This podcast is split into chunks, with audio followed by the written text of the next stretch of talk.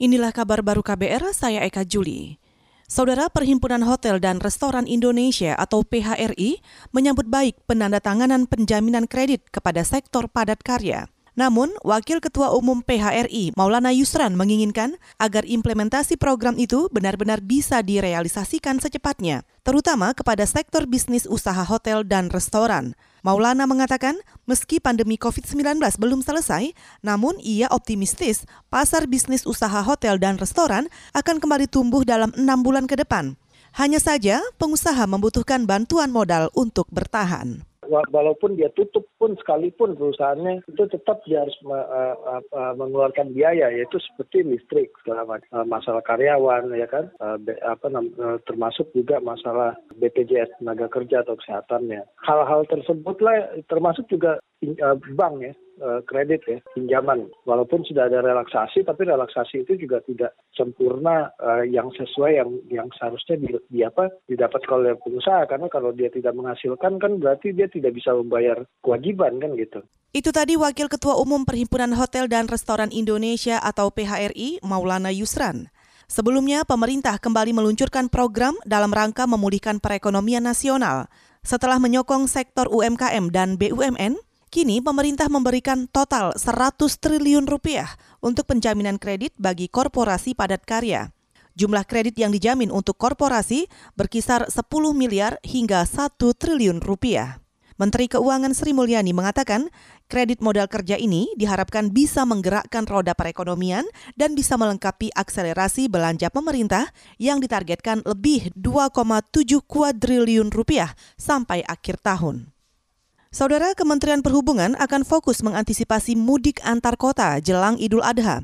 Hari Raya Idul Adha jatuh pada Jumat besok, terutama untuk mencegah penumpukan orang yang berpotensi meningkatkan penularan COVID-19.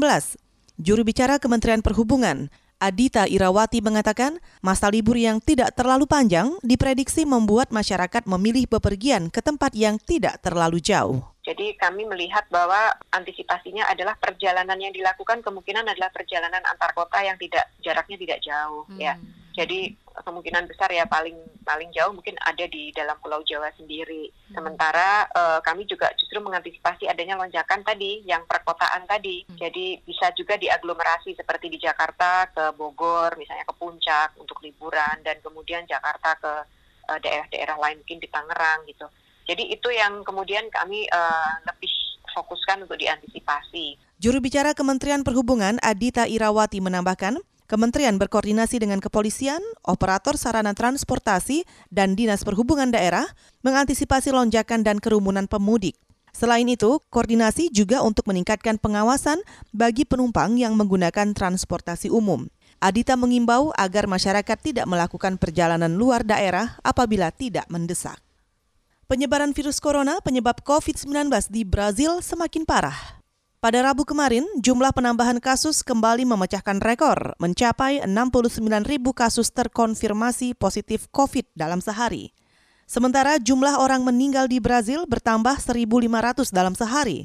Mengutip Reuters, dengan tambahan itu, hingga kini total kasus positif COVID di Brazil mencapai 2,5 juta orang lebih dan jumlah orang meninggal terkait virus ini mencapai 90 ribu orang.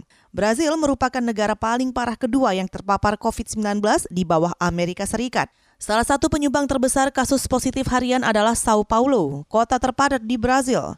Saat ini Presiden Brazil Jair Bolsonaro memaksa diri untuk membuka karantina wilayah demi memulihkan ekonomi yang terpuruk meski jumlah kasus terus meningkat. Saudara, demikian kabar baru. Saya Eka Juli.